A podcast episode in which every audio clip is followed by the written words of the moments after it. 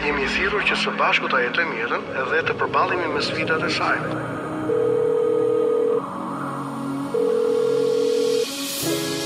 Unë jam pastor Akil Pano. Në Top Albania Radio vjen një program i folur për njeriun, familjen, shoqërinë. Është dita e tetë. Drejt shërimit dhe shpresës. Për ju që ndiheni vetëm dhe të izoluar. Nuk jeni vetëm.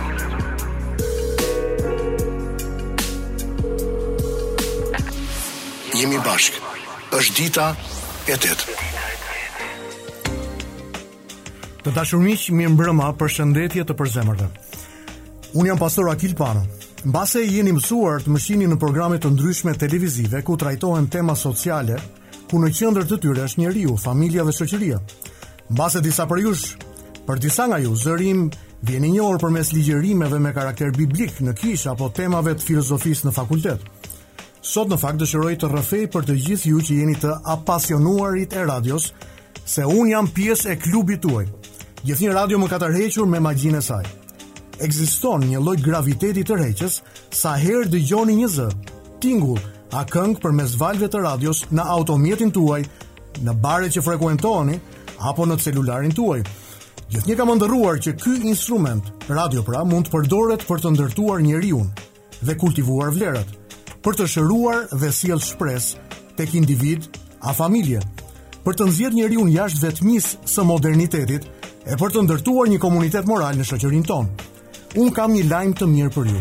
Sot nisim udhëtimin në dita e 8 në Top Albania Radio, një program ku në qendër është njeriu, jeni ju, familja juaj dhe shoqëria si një e tërë. Ky nuk do të jetë një program fetar, por një bashkëbisedim me ju. Koha juaj, një udhëtim i cili synon të zbulojë nevojën e rithemelimit të njeriut dhe ndërtimin e një komuniteti moral. Diku pas ditës së 7, njeriu i ngatërroi keq punët. Ndodhemi jashtë ditës së pushimit në brendësi të jetës aktive ku pushimi i vërtetë mungon dhe ku fuqia e jetës është pezulluar. Karakterizohemi nga pritja në ankth, pa të cilin nuk mund të lexohemi. Kjo është dita e tetë e jetës, ditë në të cilën e kemi të vështirë të shquajmë horizontin, ditë e ngarkuar me konfuzion, shqetësim dhe dhimbje, ditë në të cilën fatkeqësisht e kemi zhvendosur vlerën nga njeriu dhe atë ia kemi hedhur objekteve dhe zotërimeve, ndërsa njeriun E kemi lënë të zhveshur në zbrasti. Kërkohet shpengim për t'u kthyer brenda ditës së 7, ditës së pushimit. Kjo kërkon zhvendosje nxjerrje prej ku jemi prej ditës së disa mijëta miliontë, një rikthim dhe rifokusim të gjejmë njeriun që është brenda nesh. E pasi ta kemi gjetur, ta mëkëmbim në mënyrë që të vijojë udhëtimin e tij drejt një toke të begatë. Miq, tema e programit të parë Në këtë cikël programesh tek dita e 8 është aktuale. E nuk kishte se si të ishte ndryshe, nuk mund të anashkaloja atë që ndodh në vendin tim përgjatë më shumë se një muaj. Sot do të flasim për zgjedhjet, por parë nga një dimension tjetër. Pasi për mbi një muaj kemi dëgjuar e ndjekur mesazhe nga udhëheqësit e partive politike në vend, Është koha të dëgjojmë mesazhin nga udhëheqësit e komuniteteve të besimit. Cili është mesazhi i tyre për zgjedhjet e 25 prillit? A do të fitojë njeriu? A fiton Shqipëria në këto zgjedhje? Këto pyetje do t'i trajtojmë sot përmes bisedave me personazhe të njohur dhe shumë të dashur për të gjithë ju miq. Është dita e tetë në Top Albania Radio. Të dashur miq, përshëndetje. Ju uroj mirëseardhjen sërish në këtë komunikim live të drejtpërdrejtë nga Top Albania Radio. Unë jam pastor Akil Pano. Pasi për mbi një muaj kemi dëgjuar dhe ndjekur mesazhe nga udhëheqësit e partive politike në vend, është koha të dëgjojmë mesazhe nga udhëheqësit e komuniteteve të besimit. Cili është mesazhi i tyre për zgjedhjet e 25 prillit? A fiton njeriu? A fiton Shqipëria në këto zgjedhje? Ju tregova më parë që të ftuarit e mi në këtë mbrëmje të veçantë janë personalitete vërtet të dashur për të gjithë ju. Personaliteti i parë, të cilin kam nderin që t'jua prezantoj, është Monsinjor George Frendo, arqipeshkv i Kishës Katolike në Shqipëri. Mirë se vjen, monsinjor. Mirë se, mirë se ju gjeta, pastor. Dhe ju falenderoj vërtet nga zemra që jeni përgjigjur ftesës për të qenë së bashku me mua dhe për të komunikuar me gjithë shqiptarët që na ndjekin këtë mbrëmje. Atëherë Monsinjor George Frendo, disa vite më parë, Kisha Katolike mori një vendim që i qëndron edhe sot, pra nuk do të presë në festa politikanët. Pse ky vendim dhe a i shërbeu ky mesazh politikës edhe politikanëve që të reflektonin thelbin e çështjes? Po, së pari duhet të jemi qartë, kam qenë unë si arqipeshkvi i Tiranë-Durrësit, që kam marrë këtë vendim. Nuk ishte një vendim për gjithë Shqipërinë, por për dioqezën, për dioqezën për të cilën unë jam përgjegjës. Besoj që nuk ka qenë një vendim uh, i lehtë, apo jo? Be, për mua ishte e lehtë, po, sepse unë kisha shumë eksperiencë me parë e këtij takimi me pritjes e politikaneve dhe të personaliteteve të tjera dhe gjithmonë jam ndjerë si peshku në zall. Po? Gjithmonë kam ndjerë, ishte për mua, ishte një Shumë, shumë kundër shpirtit të festave që ne kremtonim. Për shembul, në ditë, në ditën, kur përkujtojmë lindjen e Jezusit në një varfëri ekstreme, e atje në pritje kishim njerëz ma të pasur. Unë nuk kam asgjë kundër politikanëve, kundër personave të pasur, jo, por ishte një anomali që në atë ditë ja, organizoj një pritje për njerëzit ma të pasur. Pra politikanët, kam... pol, politikanët nuk vijnë më për të uruar festën në pritje zyrtare, pasi ju keni kohë që nuk zhvilloni më pritje zyrtare në kishën tuaj. Në qoftë se vijnë individualisht, po patjetër, e, pri, e pres, e pres. por që të ketë kjo, kjo burokraci e organizohet një pritje për politikanët, dhe jo vetëm për politikanët, por edhe për disa personalitete të tjera, disa ambasadorë, e, disa bamirësit tanë, po. Por unë parapëlqej të kaloj Krishtlindjet dhe edhe Pashkët me të varfër. Me njerëzit e thjeshtë të këtij vendi. Me njerëzit më të mënjanuar. Çfarë cilësie! Një virtyt i lartë i përuljes së krishterë. Atëherë, monsinjor, po. Në këto vite ne kemi ndeshur dhe kemi parë politikanët që pasi marrin votën nga qytetarët e tyre, duket sikur harrojnë shpejt premtimet që kanë bërë, edhe nuk shkojnë më ta takojnë dhe ta vizitojnë elektoratin e tyre. Vërtet janë me kaq memorie të shkurtër politikanët shqiptarë? Po, se pari,, mos të i jemi të marëm generalitet, sepse jo të gjithë harrojnë popullin, por ka shumë se dhe që e vërtetë, kërkojnë popullin vetëm për të marrë votën e tyre në zgjedhjet politike. A, monsinjor, po? a do të veçonit ndonjë cilësi apo virtyt që ju e konsideroni të nevojshëm apo të domosdoshëm në jetën e një politikani, natyrisht përveç edukimit dhe arsimimit të tij, a duhet një politikan po. të gëzojë cilësi të tjera? Dhe jo, unë jam i krishter, ti je i krishter, e dim se Jezusi ka folur për autoritet si shërbim.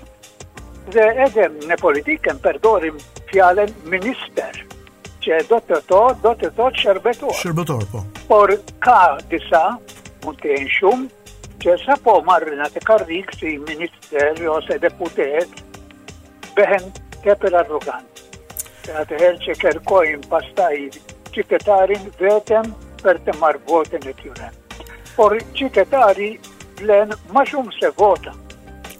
Është një person e duhet të respektohet si person. si një qytetar që meriton me të drejtë respekt. Në fakt unë ju fa- falenderoj, unë ju falenderoj vërtet shumë pasi ky mesazh që ju sapo thatë, unë dëshiroj që të mbesë në memorien e dëgjuesve tanë. Qytetari vlen më shumë sesa vota. Ashtu është, ashtu është një person dhe Për këtë, s'duhet të harrojë kurrë deputeti, që ai është atje në atë karrigë, po. së pari për të përfaqesuar popullin, dhe është atje edhe në sajë të votave që kanë besuar tek ai.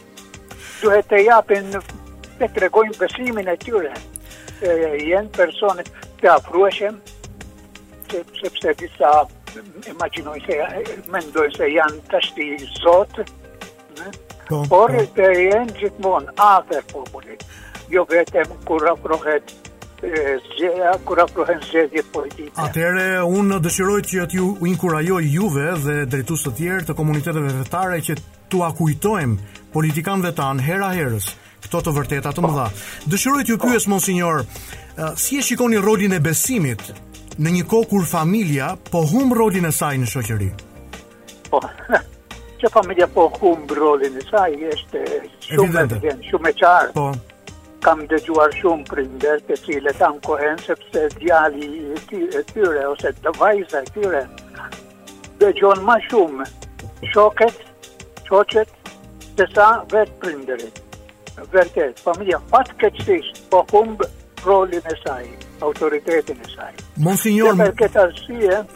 Po. Duhet të, politikanët duhet të japin ma shumë hapësirë besimeve, sepse politika mund të ndryshojë strukturat, por është vetëm besimi që mund të ndryshojë zemrat. Po.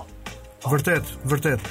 Monsinjor, uh, sa të rëndësishme, pra kjo do të jetë edhe pyetja e fundit për sot për këtë mbrëmje në këtë komunikim. Unë jam i trishtuar pasi me ju është kaq e lehtë të flasësh edhe uh, biseda kalon kaq shpejt. Po, si i shikoni këto zgjedhje, zgjedhjet e 25 prillit? A i shikoni këto zgjedhje vendimtare për Shqipërinë dhe për të ardhmen e vendit tonë? Shumë vendimtare. Fatkeqësisht përqindja e votuesve këtu në Shqipëri është shumë e ulët.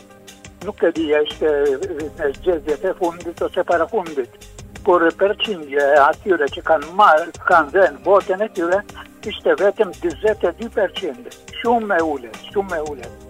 Kjo tregon se po, po, populli po humb besimin e tyre te politikanët, që nuk është shenjë e mirë absolutisht, absolutisht. Unë shpresoj se këtë herë do të, të kemi një përqindje shumë më të lartë.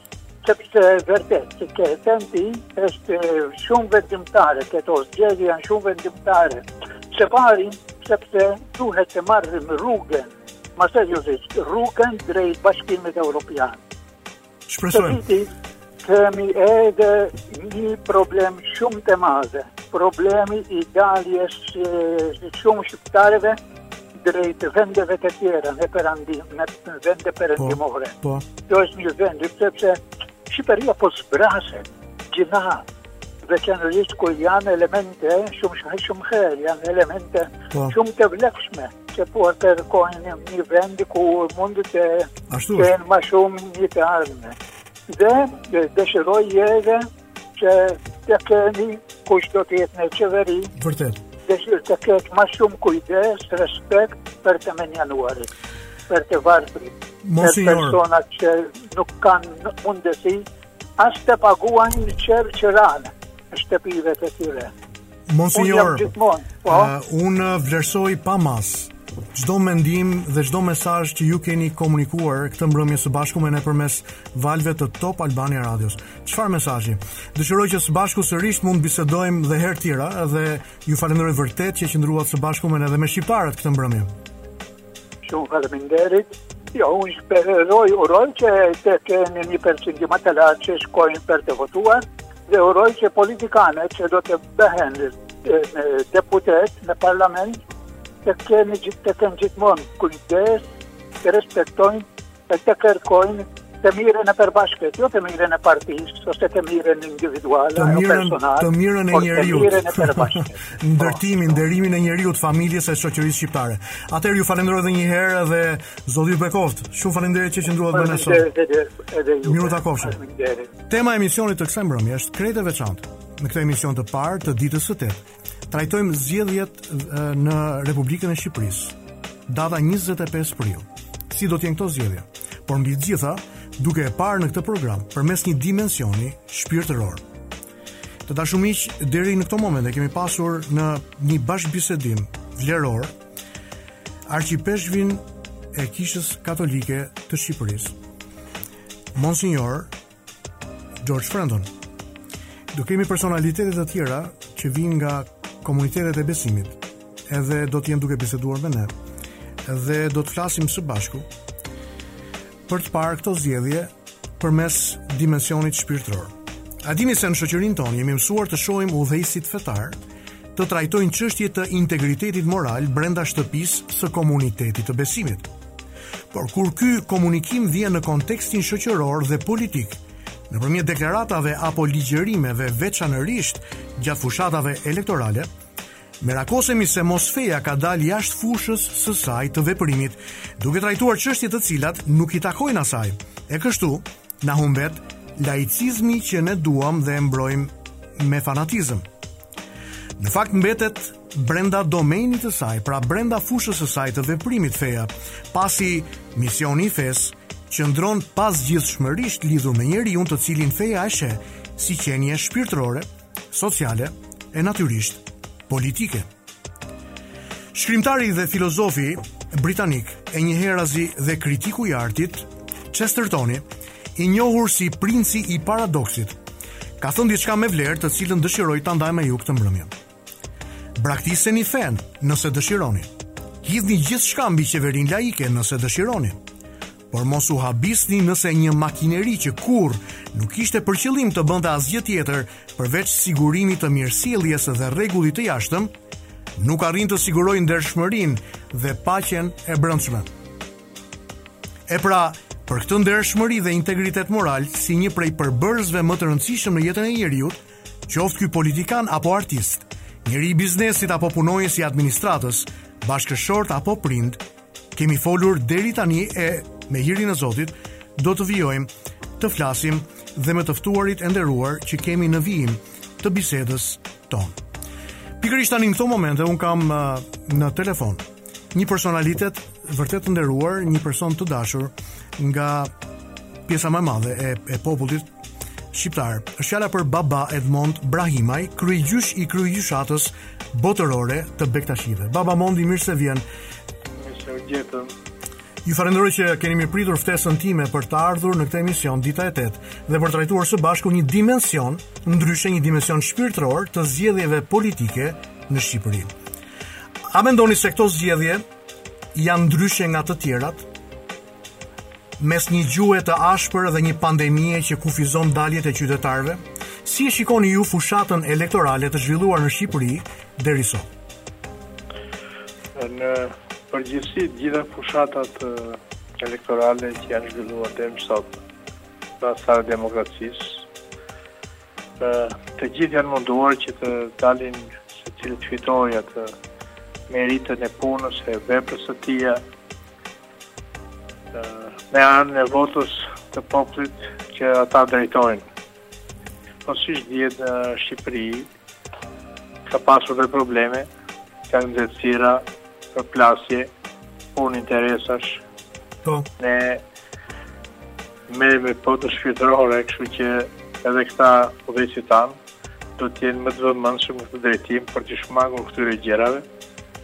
Se ajo që vendos është vota e popullit, çdo gjë e ka Zoti në dorë, po. na drejton, na udhëzon. Ëh, mm -hmm. na mbron nga të gjitha të këqijat dhe ne duke shpërblyer atë me sjelljen tonë, me vullnetin tonë, me punën tonë, po edhe me pushtetin që kemi mbi njerëzit që drejtojmë. Meqë jemi duke cekur pushtetarët edhe po flasim për politikanë. Zakonisht shihen për festa fetare politikanë të cilët vizitojnë kryegjyshatën në festat e tua fetare, në festat e komunitetit Bektashi. Si e shikoni ju faktin që politikanët zakonisht, mbase jo gjithmonë, por zakonisht kujtohen për realitetin e besimit për fenë, për festat fetare, mbase edhe për klerikët, vetëm në raste festash. Është kjo është mënyra protokollare e shërbimit që bëjnë ata ndaj nesh. Po. Problemi është se besimi është personal, nuk është kolektiv. Ashtu është. Dhe duke qenë personal, çdo njeri e ka në zemrën e vet atë besimin e tij. Po mbase nuk e shpreh, po ajo që shprehet qartë është vepra atyre, të cilën ne nuk kemi të drejtë të gjykojmë për arsye se Zoti që gjykon mbi ta. Siç dihet, kush të çdo pushtet është vullnet i Zotit në tokë. Po dhe njerëzit e meritojnë atë pushtet. Kështu që edhe ne, duke bërë njerëz të mirë, duke bërë njerëz të dashur, duke bërë njerëz të punës, e cila i largon njerëzit nga të këqijat, atëherë ne në këto zgjedhje do dalin njerëzit më të mirë që punojnë për kombin, për njerëzimin, për popullin e tyre.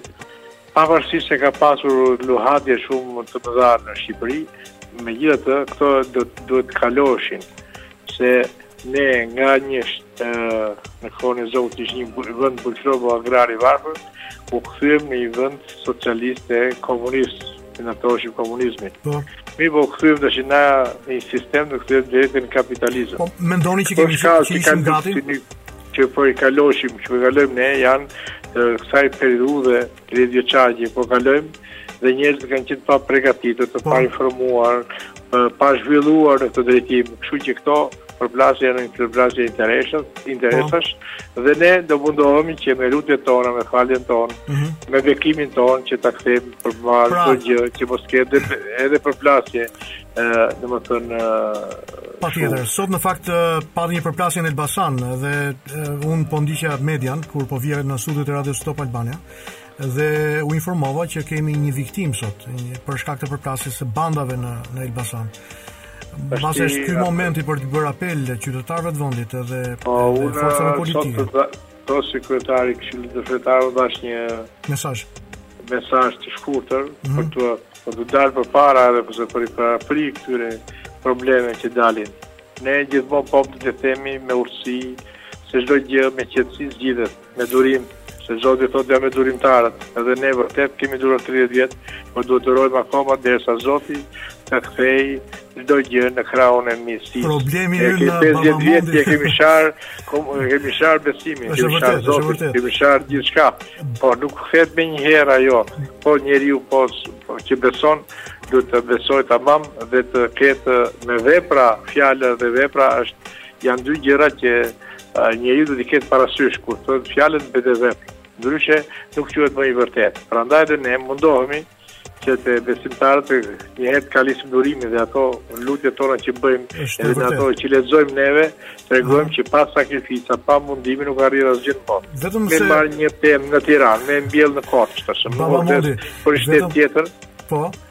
Po, edhe ajo nuk mbin atje. Pra do vëndin dhe tokën e vet, dhe njerëzit Shqiptarët duhet ta kuptojnë që vendi yt është ai që të mbron, të, të mban në gji, të jep ato të mira materiale, se është një nga vendet më të bekuar në botë që ka katër stinë.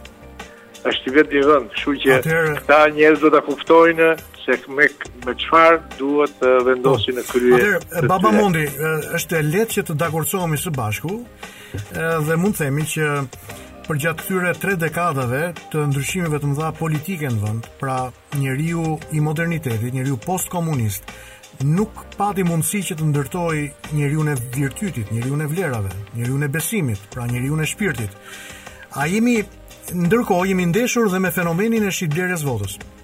Nëse do të ndesheni me këtë fenomen, ku, ku do të vijë një qytetar dhe do të deklarojë që i kanë ofruar para në këmbim të votës. Nëse ky qytetar vjen tek ju. Çfarë këshille do t'i jepnit juve? Unë do t'i jap për gjithë, po, dëgjo, njeriu nuk mund ta shesi veten. As me pare, as me votë. Njeriu është njeri, ka karakter. Dhe kjo tregohet në karakterin e, e besimtarëve dhe të popullit shqiptar.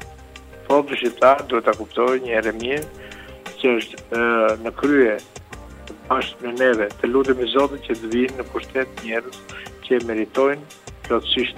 Jo do thuash ti këta s'e meritojnë, nuk kemi po. drejtë ne të gjykojmë mm -hmm. as këta, as ata që do vijnë. Ne gjykojmë veten tonë. Zoti e di fuqinë e vet se çfarë bën me ata që edhe në lutjet tona dhe ne themi për pushtetarët, ata që punojnë, bëjnë vepra të mira, i kemi të bekuara.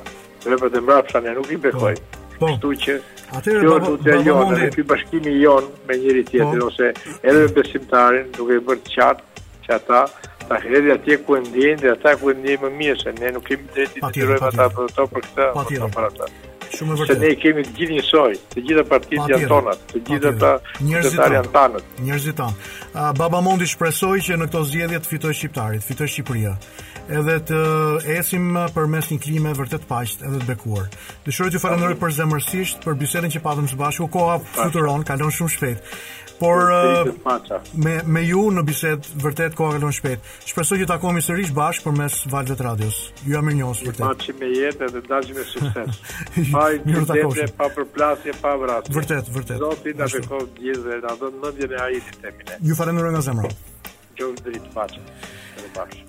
Të dashur miq, vijojmë sërish komunikimin tonë në radio në emisionin e titulluar Dita e 8. I ftuari im i veçantë menjëherë, për shkak të urgjencës së kohës, unë dëshiroj ta ftoj pa pasur ndërprerje të tjera dhe pa pasur këngë në mes. Dëshiroj që të prezantoj për ju një personazh të cilin ju e njihni përmes publikimeve komunikimit të tij mediatik Si një klerik, është fjala për uh, imamin Ahmed Kalaja, i cili është imami i xhamisë uh, Dine Hoxha. Ne dimë që komuniteti mysliman pikërisht tani në këtë kohë është duke kaluar përmes uh, uh, një stine të lutjeve dhe agjërimit. Natyrisht që nuk ka qenë e lehtë për të komunikuar me imamin në këtë kohë.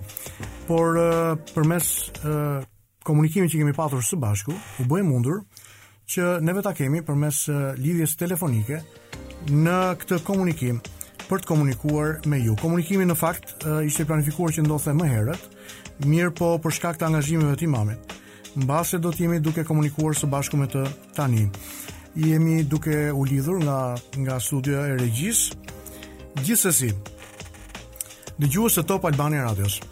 Unë e vërtet mirënjohës që përgjatë këtyre minutave ne jemi duke komunikuar një dimension tjetër, një dimension ndryshe, një dimension shpirtëror. Ku prek, ku prek shpirti, bota e shpirtit, politikën, vendimmarrjen, Njeriu në tërësinë e tij. Në fund të ditës, pyetja e madhe që mbetet është, a do të fitojnë shqiptarët dhe Shqipëria në këto zgjedhje? Pse duhet të votojmë? Sa i rëndësishëm është integriteti gjatë dhe pas procesit zgjedhor? Pse kemi probleme me shitblerjen e votës dhe sa herë kemi votime, tensionet ngrihen dhe gjërat nuk shkojnë sikundër janë pritshmëritë mes nesh. Deri tani kemi komunikuar me Monsignor George Frendon, arqipeshkvin dhe kryetarin e Konferencës Ipeshkvnore të kishës katolike. Bisedën e dytë e kishim me Baba Mondin, kryegjyshin e kryegjyshatës botërore, Bektashiane në Shqipëri. Do të vijojmë me biseda të tjera, ku natyrisht do të trajtojmë procesin zgjedhor me personazhe të tjerë të dashur nga komuniteti i besimit. Pra ka nisur sot siparin e një cikli temash që do të udhëtojmë së bashku përgjatë çështjeve dhe tematikave të karakterit social, etik, moral për të zbuluar dimensionin shpirtëror esencën e njeriut. Në shoqërinë tonë jemi mësuar të shohim udhëheqësit fetarë të trajtojnë çështje të integritetit moral brenda shtëpisë së komunitetit të besimit. Por kur ky komunikim vjen në kontekstin shoqëror dhe politik nëpërmjet deklaratave apo ligjërimeve, veçanërisht gjatë fushatave elektorale, Ne merakosemi se mos vallë feja ka dalë jashtë fushës së saj të veprimit, duke trajtuar çështje të cilat nuk i takojnë. E kështu, merakosemi se mbase laicizmi që duam do të humbasë, do të tkurret. Në fakt, laicizmi mbetet laicizëm dhe feja mbetet brenda fushës së saj, sferës së saj të veprimit. Pasi misioni i fesë qëndron pazgjidhshmërisht lidhur me njeriun, të cilin feja e sheh si një qenie shpirtërore, sociale dhe politike.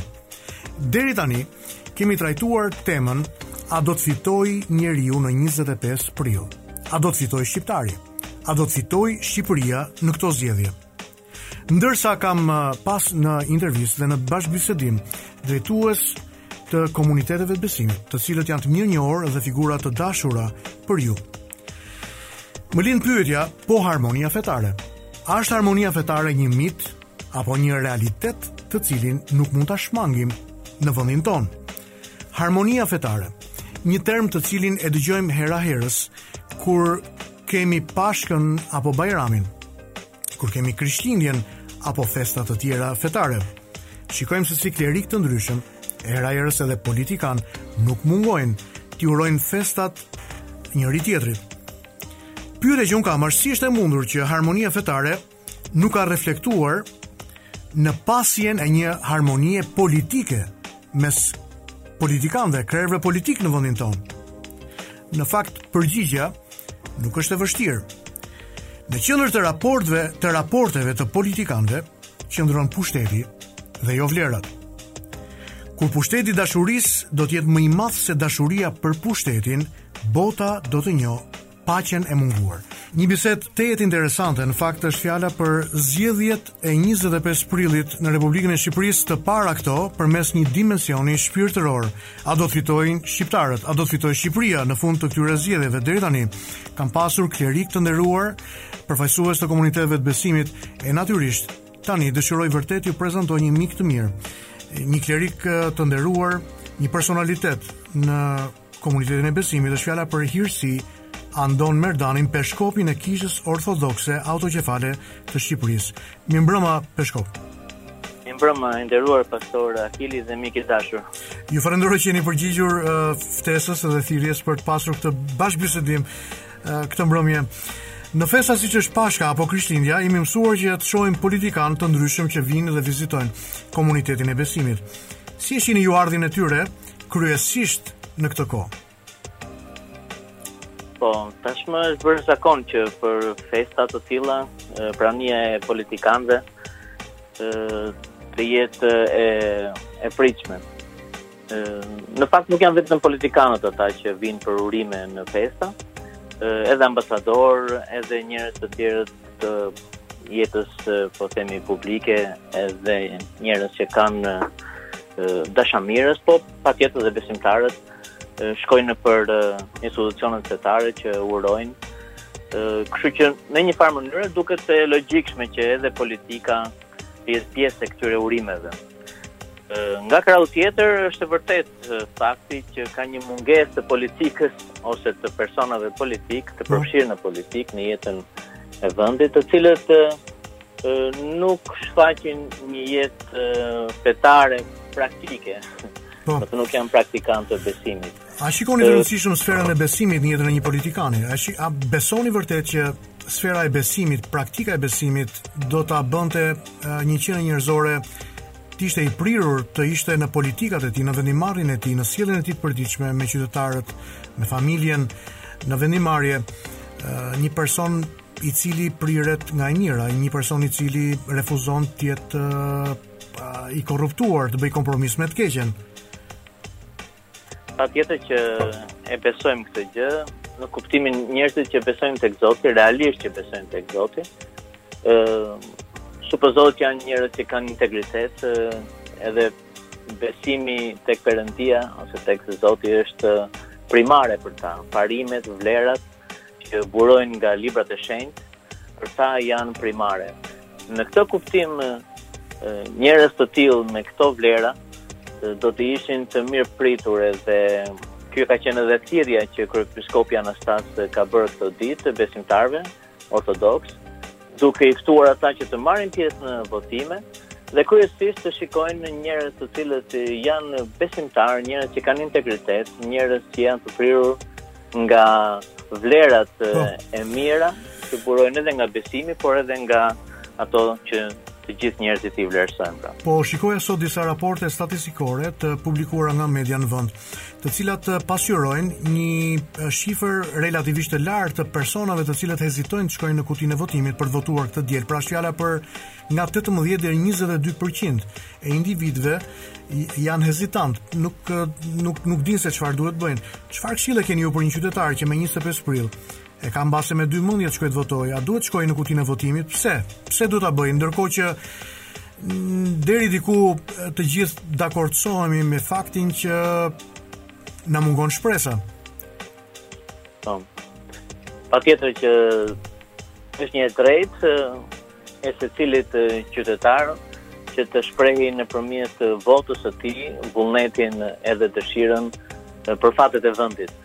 Dhe sigurisht të gjithë ata që e kanë këtë bindje dhe i kanë ndjekur zhvillimet politike dhe e kanë po themi të të vendosur disi qëndrimin e tyre, do do të ishte me të vërtetë Për të ardhur keq që ata nuk do ta shprehnin nëpërmjet votës këtë gjë, por do të hezitonin.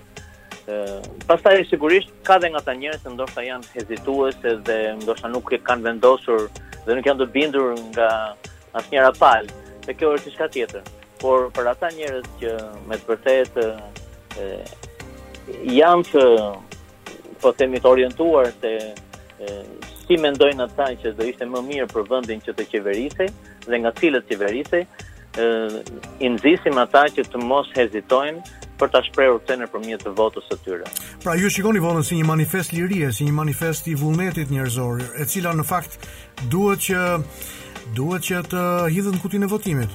Apo jo? Po, patjetër, patjetër, është një e drejtë Edhe një, po themi,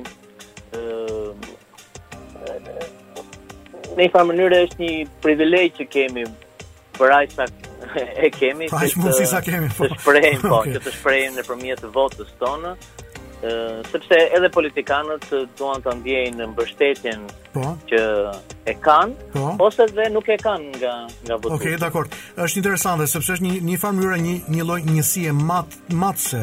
Matëse gjithashtu edhe e punës dhe edhe rezultateve të politikanëve dhe politikëbërjes edhe kastës që na qeveris, edhe nuk e kam fjalën për këtë kastë që na qeveris aktualisht, por për të gjithë qeveritë që kanë që kanë qenë edhe vijnë në momentin për të marrë votëbesimin apo jo. Meqë jemi këtu te ky moment, a mendoni se qytetari duhet ta shohi si një proces votimin, pra jo thjesht si një detyrë apo një detyrim që nis dhe përfundon në ditën e votimit, por si një kontratë mes tij dhe politikanit, pra një kontratë që nis ditën e votimit dhe përfundon pas 4 vitesh. Si mendoni? Po, sigurisht, dhe këtu është problemi më i madh akoma. Po? Do të thotë një përfshirje qytetarie në politikën e vendit, në politikëbërjen, por edhe në politikëzbatimin, po themi. e, e atyre ligjeve, dekreteve dhe angazhimeve që ka marrë politika dhe kandidatët e ndryshëm. Fatkeqësisht, jo vetëm politikanët angazhohen më shumë në fushatë elektorale, por edhe edhe votuesit po themi, edhe qytetarët tregojnë një lloj apatie gjatë gjithë gjatë gjithë zhvillimeve të ndryshme dhe për çështje që madje janë shumë shumë jetike, jetike për, për, për, për ne mm -hmm. qytetarë. Shikohet një apati e madhe për të sensibilizuar, për të organizuar, për të shprehur pakënaqësinë ose kërkesat ose edhe për kërkuar llogari për zbatimin e atyre angazhimeve që politika e, ka marrë. Dhe po. këtu është një e metë e madhe e shoqërisë tonë, sigurisht ka arsyet e veta, ndoshta edhe nga periudha e, e monizmit ku ishte hequr pikërisht kjo e drejtë edhe kjo mundësi qoftë ta mendoje. Kështu që ne ende jemi brezat që kemi provuar disi edhe atë periudhë dhe mendoj ende vazhdon pasoja. Kështu që po. jam dakord me të që është një vazhdimësi dhe proces që nuk fillon as mbaron me votimin. Hirsi, uh, diçka personale, në fakt uh, ju këtë të diel do të shkoni të votoni? Unë zakonisht kam shkuar për të votuar dhe ndoshta edhe këtë të diel do jem për të votuar. Jemi në kohë pandemie dhe nga të dhënat mbi 20.000 qytetarë nuk mund të shkojnë të votojnë për shkak se rezultojnë aktivë me COVID-19. Çfarë mesazhi keni për këta njerëz? Pasi shkuarja e tyre në votime rrezikon natyrisht edhe të tjerët. Po me sa kam dëgjuar në media nga organet kompetente të shëndetësisë, më duket se është thënë që mund të marrin pjesë në në votime edhe ata që janë të prekur nga Covidi, por sigurisht me masat, maskat, distancat edhe këto, domethënë për të mbrojtur të tjerët kryesisht. Në qoftë se jam i saktë, po. nëse është komunikuar në këtë formë, dhe ne sigurisht që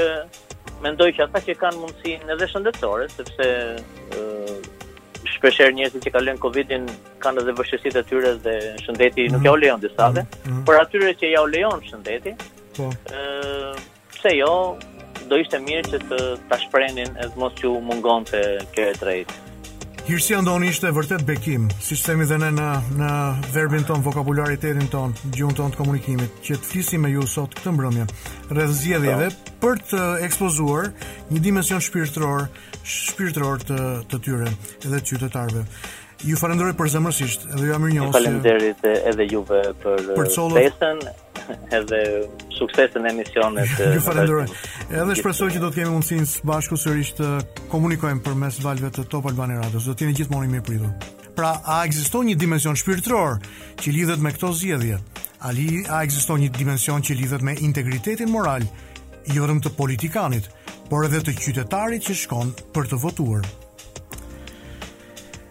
Deri tani kemi pasur disa personazhe, individë, klerikë me profil të lartë, shoqëror, të cilët vërtet na kanë bekuar me komunikimin e tyre përgjatë këtyre minutave. Do ta nis uh, prezantimin uh, për ju të dashur miq. Lidhur me një personalitet në kishën ungjillore në Shqipëri. Është fjala për pastorin e nderuar Fitor Muça, pastori i kishës Rilindja, një nga kishat uh, me historik në Shqipëri, nga kishat e hershme, pra të para që është themeluar që pas rënies së regjimit komunist në vendin tonë.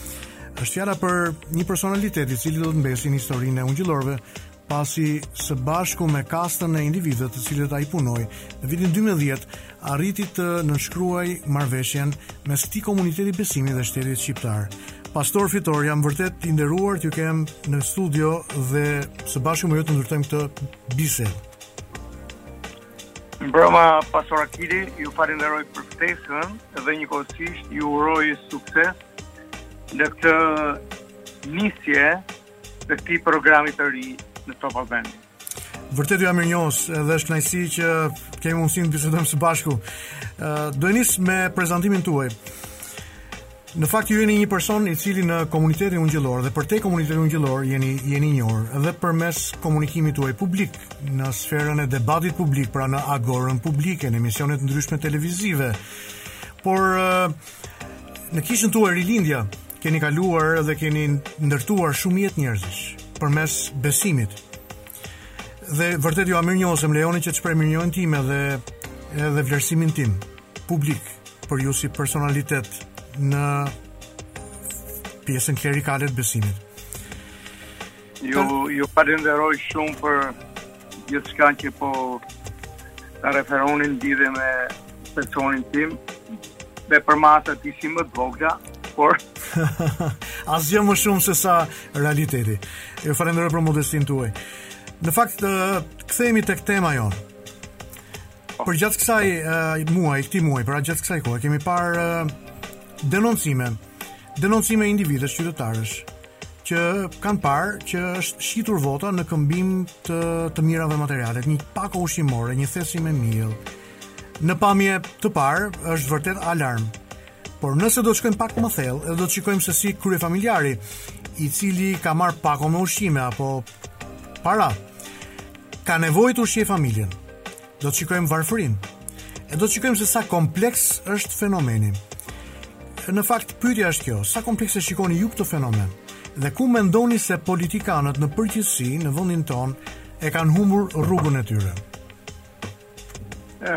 Shitja e votës mjerisht nuk është një rast sporadik, anonim e i papërfillshëm. E vërteta është që tashmë po kthehet në një dukuri që të bën të mendohesh se sa lart ka shkuar tjetërsimi njerëzor në shoqërinë tonë. Por hyrë thellë sa histori e shesë si varfëria dhe nevoja ekonomike e shtyn shqiptarin e viteve 2021 të shesë votën, që bart Një mori vlerash është brenda saj, që nga zgjedhja e vullnetit e të tjera, deri tek e drejta universale dhe kushtetuese, për të vendosur pa u kushtëzuar nga një nga një presion, qoftë kjo ekonomik apo social. Ju përmendët klasën politike, që ose ka dështuar, ose ka humbur rrugën e tyre për t'i shërbyer qytetarit. Kjo mendoj që është një temë e gjerë që kërkon vëmendje dhe përgjegjësinë e saj për ta shkulur me rrënjë këtë dukuri që të themi të vërtetën e poshtëron njeriun, e zhvlerëson edhe e trajton si një send, që pasi e ka përdorur, nuk do t'ia dijë se ç'ndodh me të. Dikur para viteve 90, ne i referoheshim Migjenit si poeti i mjerimit njerëzor shqiptar. Duke besuar se një ditë imazhi i malësorit shqiptar tek legjenda e Misrit do harrohej ose le të themi do të mbetej si një e, simbolikë letrare. Por e vërteta që është që edhe pas 30 vitesh kësaj legjende i janë shtuar dhimbje të tjera. E njëra prej këtyre dhimbjeve, për mendimin tim, është i deri e botës, e e, e botës. Mm -hmm. Mm -hmm. Politika jonë duhet t'i rikthejë dinjitetin shqiptarit që e ka tjetërsuar përmes kësaj nevoje. Që një njeriu që nëpërkëmbet dhe i shkelet dinjiteti, i ka humbur njerëzorja. Prandaj shoqëria jonë nuk mund të jetë më spektatore, mendoj unë, përballë kësaj dhimbjeje që kërkon një zë për tonë. Pastor Fitor, vërtet mendime të thella dhe me dhe në fakt, në fakt, vetëm sa keni përmes këtij komunikimi që bëtë, vetëm sa vërtetuat prezantimin që unë bëra për ju.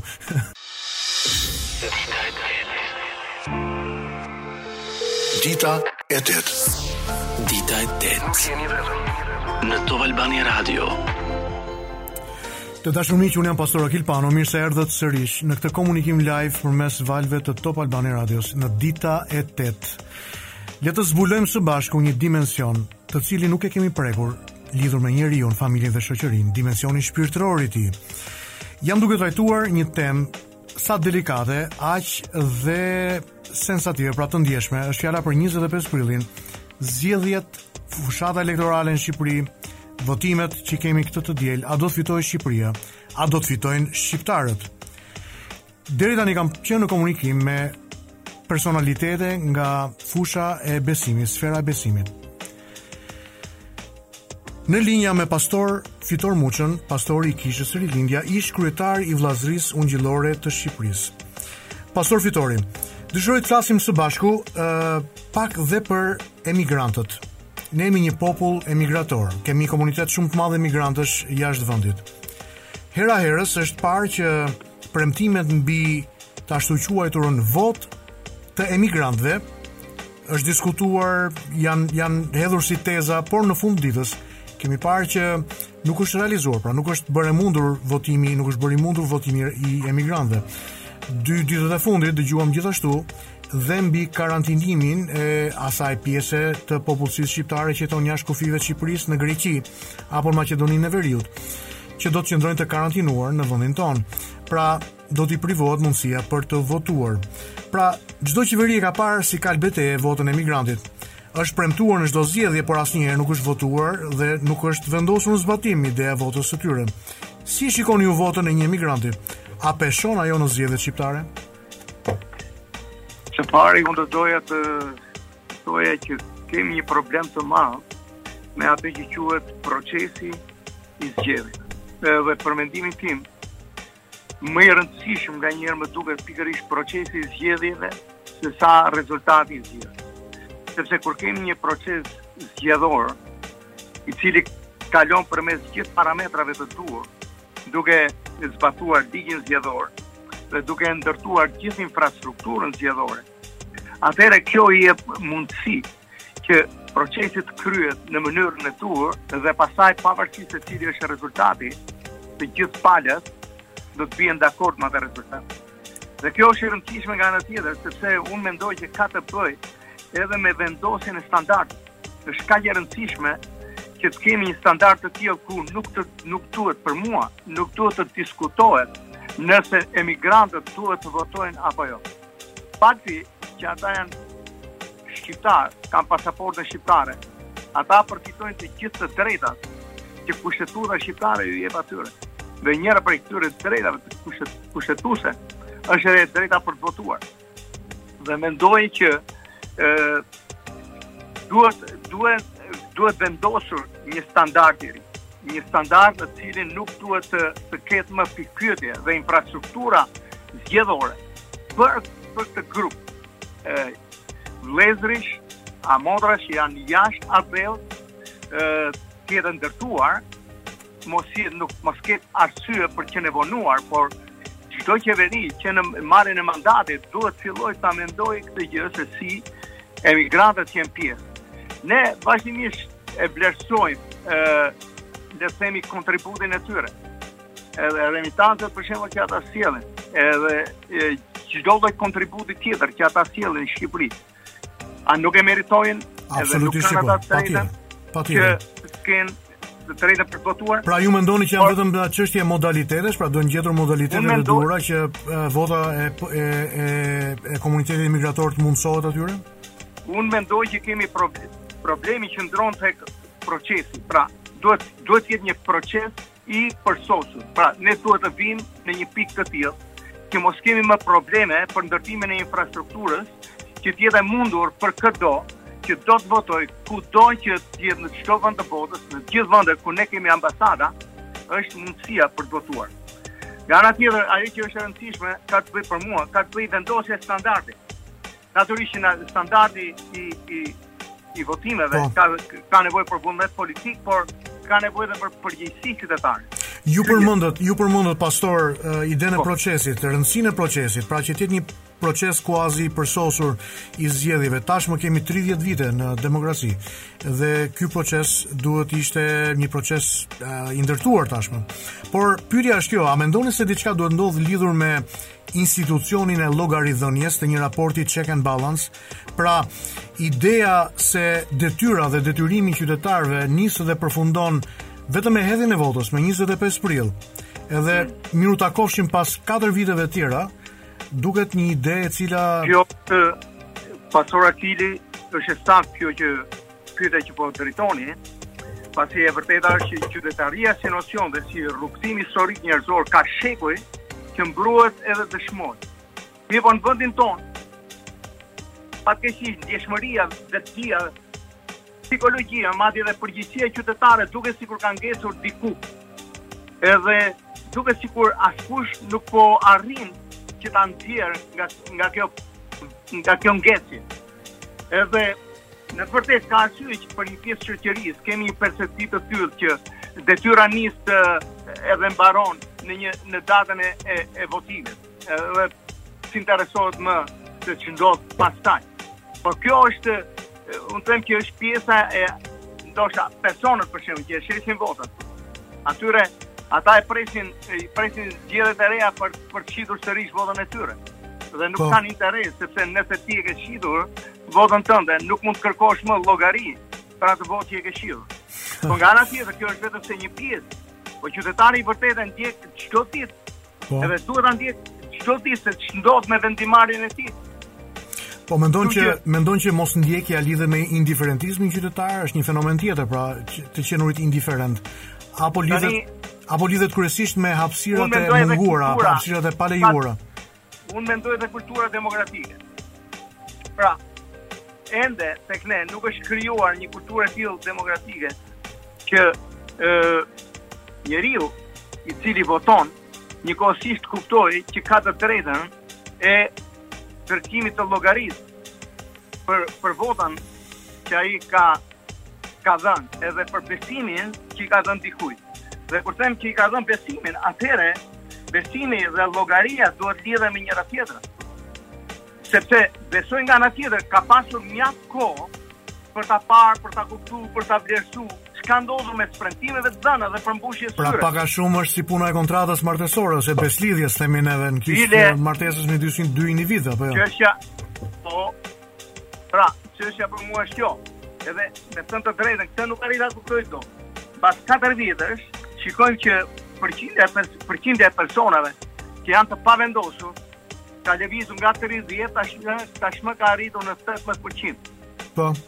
Kur kanë pasur 4 vite për të bërë analizë edhe sintezë të gjithçkaje në lidhje, tash gjithmonë në lidhje me personin që i kanë besuar,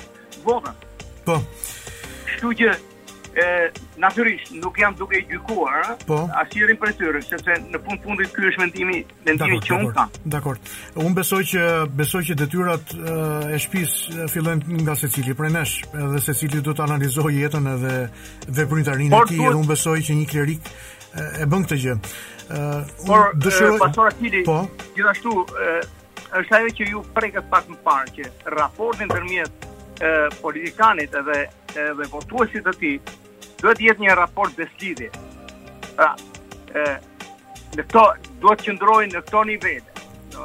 Jo vetëm që e, të kujdeset, por ti don të kesh ti ke ti ke shtrënguar duart me popullin që e ka votuar në mënyrë të tillë për qenë ai vet për ta ndjerë për të qenë llogaridhënës para tyre. Pastor, uh, ju jeni ju jeni një person me me ndikim, me ndikim në rrethin tuaj, me ndikim uh, tek njerëzit që ju dëgjojnë dhe ju ndjekin. Çfarë do t'i kërkonit apo kujtonit kandidatëve në Parlamentin e Shqipërisë në mënyrë të përmbledhur dhe një mesazh të fundit në këtë komunikim të cilin fatkeqësisht koha koha gjithnjë është e pamjaftueshme për për të ndërtuar biseda të tilla vlerore. Pra cili do të ishte mesazhi që ju do t'i kujtonit kandidatëve për parlamentin e Shqipërisë dhe cili është mesazhi që ju do t'i jepnit popullit shqiptar në këto zgjedhje? Tani, çështja është kjo që nëse ka një pasuri të çmuar demokracia mbetet parlamenti. Sepse aty është vendi i vizioneve, ideve, moralit, i qytetarisë, i kombit, i emancipimit, i begatisë, është historia e sotme, është historia e nesër. Kështu që e, është një, do nëse flasim për një filozofi njerëzore kombëtare, është pikërisht aty Aty vëndi ku ngjizet. Dhe... E, Pyte që ju bëtë më, më, më kujton edhe epitafin e, proverbial të Konicës që tha Shqipërin e bën idealistët, po. e ruajtën rastet edhe e vranë politikanët. Që një, me gjithë kohën që ka rrjedhur, epitafi i Konicës mbetet real edhe për këtë ditë. E me gjithë të... Politikanët, besoj duhet po. t'i rikthehen këtij epitafi për të sjellë ndryshimin që na duhet. Por një nga gjërat që po dëgjojmë kohët e fundit, po. dhe që është bërë po. le të themi si një refren gjumëprishës. Po. Është ndryshimi fillon nga vetja. Po. Fillon për atë si politikan, për ne si qytetarë të këtij vendi, edhe për ne si popull.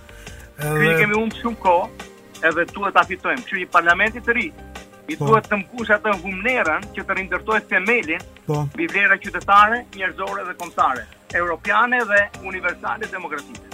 Pastor shpresoj që janë mjaft, janë mjaft njerëz që janë duke na ndjekur dhe besoj njerëz të cilët kanë dëgjuar këtë mesazh tuajin e mes tyre dhe politikanë. Le të zbulojmë këtë dimension të shpirtit, këtë dimension të këtij realiteti jete. Pastor Fitor Muça i Kishës së Rilindja. Ju falenderoj nga zemra për këtë bashkëbisedim së bashku. Në shoqërinë tonë jemi mësuar t'i shohim udhëheqësit fetarë të trajtojnë çështje të integritetit moral vetëm brenda shtëpive të komuniteteve të besimit. Ky komunitet vjen në kontekstin shoqëror dhe politik përmes deklaratave apo ligjërimeve veçanërisht gjatë fushatave elektorale, merakosemi se mos feja ka dalë jashtë fushës së saj të veprimit, duke trajtuar çështje të cilat nuk i takojnë asaj, e kështu na humbet laicizmi të cilin e ruajmë. Në fakt, feja mbetet brenda domenit të saj, pasi misioni i fesë qëndron pazgjidhshmërisht lidhur me njeriun, të cilin feja e sheh si një qenie shpirtërore, sociale, morale dhe politike.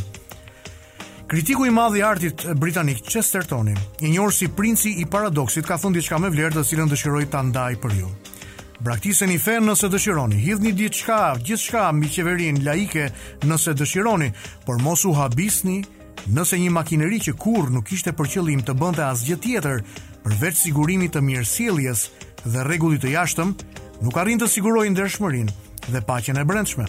E pra, për këtë ndershmëri dhe integritet moral si një prej përbërësve më të rëndësishëm në jetën e njeriut, qoftë ky njeri politikan, artist, njeri i biznesit, apo punonjës i administratës, bashkëshort, prind, kemi folur sot. Thirrja për integritet moral e barinjve shpirtërorë drejtuar udhëheqësve të partive politike të mëdha në vend dhe kandidatëve të partive politike shpresoj të jetë një thirrje zgjimi nga gjumi i gjatë i pafuqisë mungesës së integritetit dhe amoralitetit të njeriut politik në veçanti dhe politikës në tërësi në vendin tonë.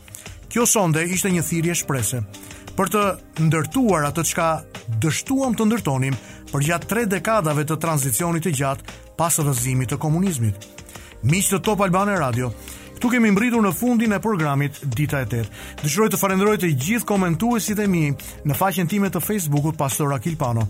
Ndihem në borxh me ju miq, pasi nuk kam pasur mundësinë që të komunikoj dhe t'ju jap përgjigje pyetjeve dhe komenteve tuaja apo të diskutoj rreth tyre. Ju siguroj që do ta bëj në vijim. Ju kujtoj që do takohemi sërish së bashku të mërkurën që vjen në dashtë Zoti, në orën 8 në mbrëmje Vendosini një reminder në telefonin tuaj që kemi takim bashkë për të trajtuar një çështje tjetër me shumë rëndësi. Zoti ju bekoftë miq, ju dhe familjet tuaja. Zoti bekoftë Shqipërinë tonë me zgjedhje të paqta dhe me integritet.